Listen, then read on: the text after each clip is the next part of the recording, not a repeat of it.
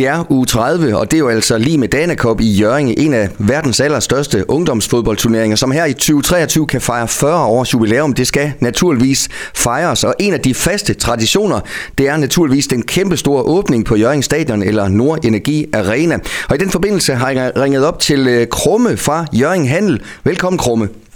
Ja, tak skal du have. Du plejer jo at tænde Danakop-flammen. Det er også en anden tradition. Øh, Det er der lavet lidt om på i år, Krumme. Fortæl lige lytterne, hvad der sker. Jamen, der, der sidste år, der var min gryn, der, sådan der flammen, den skulle være fjernet op fra St. Olaj plads. Men øh, så snakkede vi med, kommunen, og så blev vi enige om, at, øh, tænkte, at jeg så I er nødt til at stå til der var Danekop, for det var en vigtig, vigtig ting, at øh, gryden, den var der der, når alle de der tusind, de kom gående igennem byen. Og det blev, det, så fik krummeren ret der, for han fik lov til at beholde gryden til Danekop, de var kommet forbi. Dengang det blev fjernet, der kom nu på materielgården, og der har han været ude.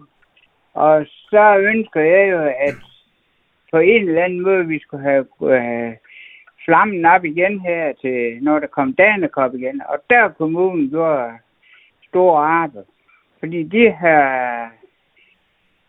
borgmester, han sagde nok, det var hans idé, men det ved jeg ikke, men det kan godt ske der, at øh, vi har flyttet gryden ud på stadion, hvor flammen skal tændes derude her i aften. Jeg har også lavet planen det. Og så øh, bliver der valgt en dreng og en pige ud fra to forskellige, øh, fra to lande, ikke? Og de skal så hjælpe Krumme med at tænde flammen derude på, på stadion her i aften, ikke også?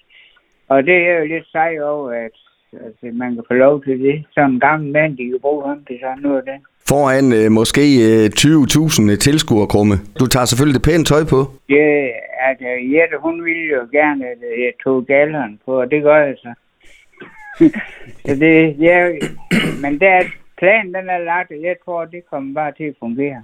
Krumme, øh, jeg ved, du er stor tilhænger af Danakop. Hvorfor er Danakop så øh, vigtigt for, for, ja, for, hele, for, for hele Nordjylland, vel sagtens?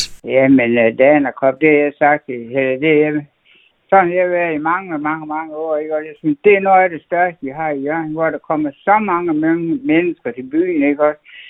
Og både med handel og alt muligt, og så alt det kæmpe arbejde, de laver alle dem ude på Danakop, det er helt vildt synes jeg.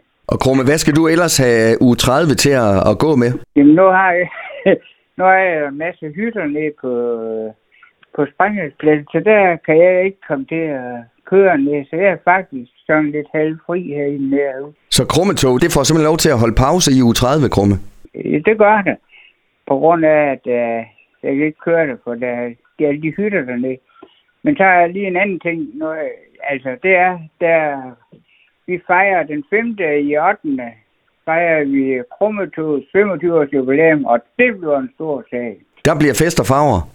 Det gør det. Krumme, skal vi ikke aftale, at det vender vi tilbage til øh, Det- lidt senere? Det gør vi.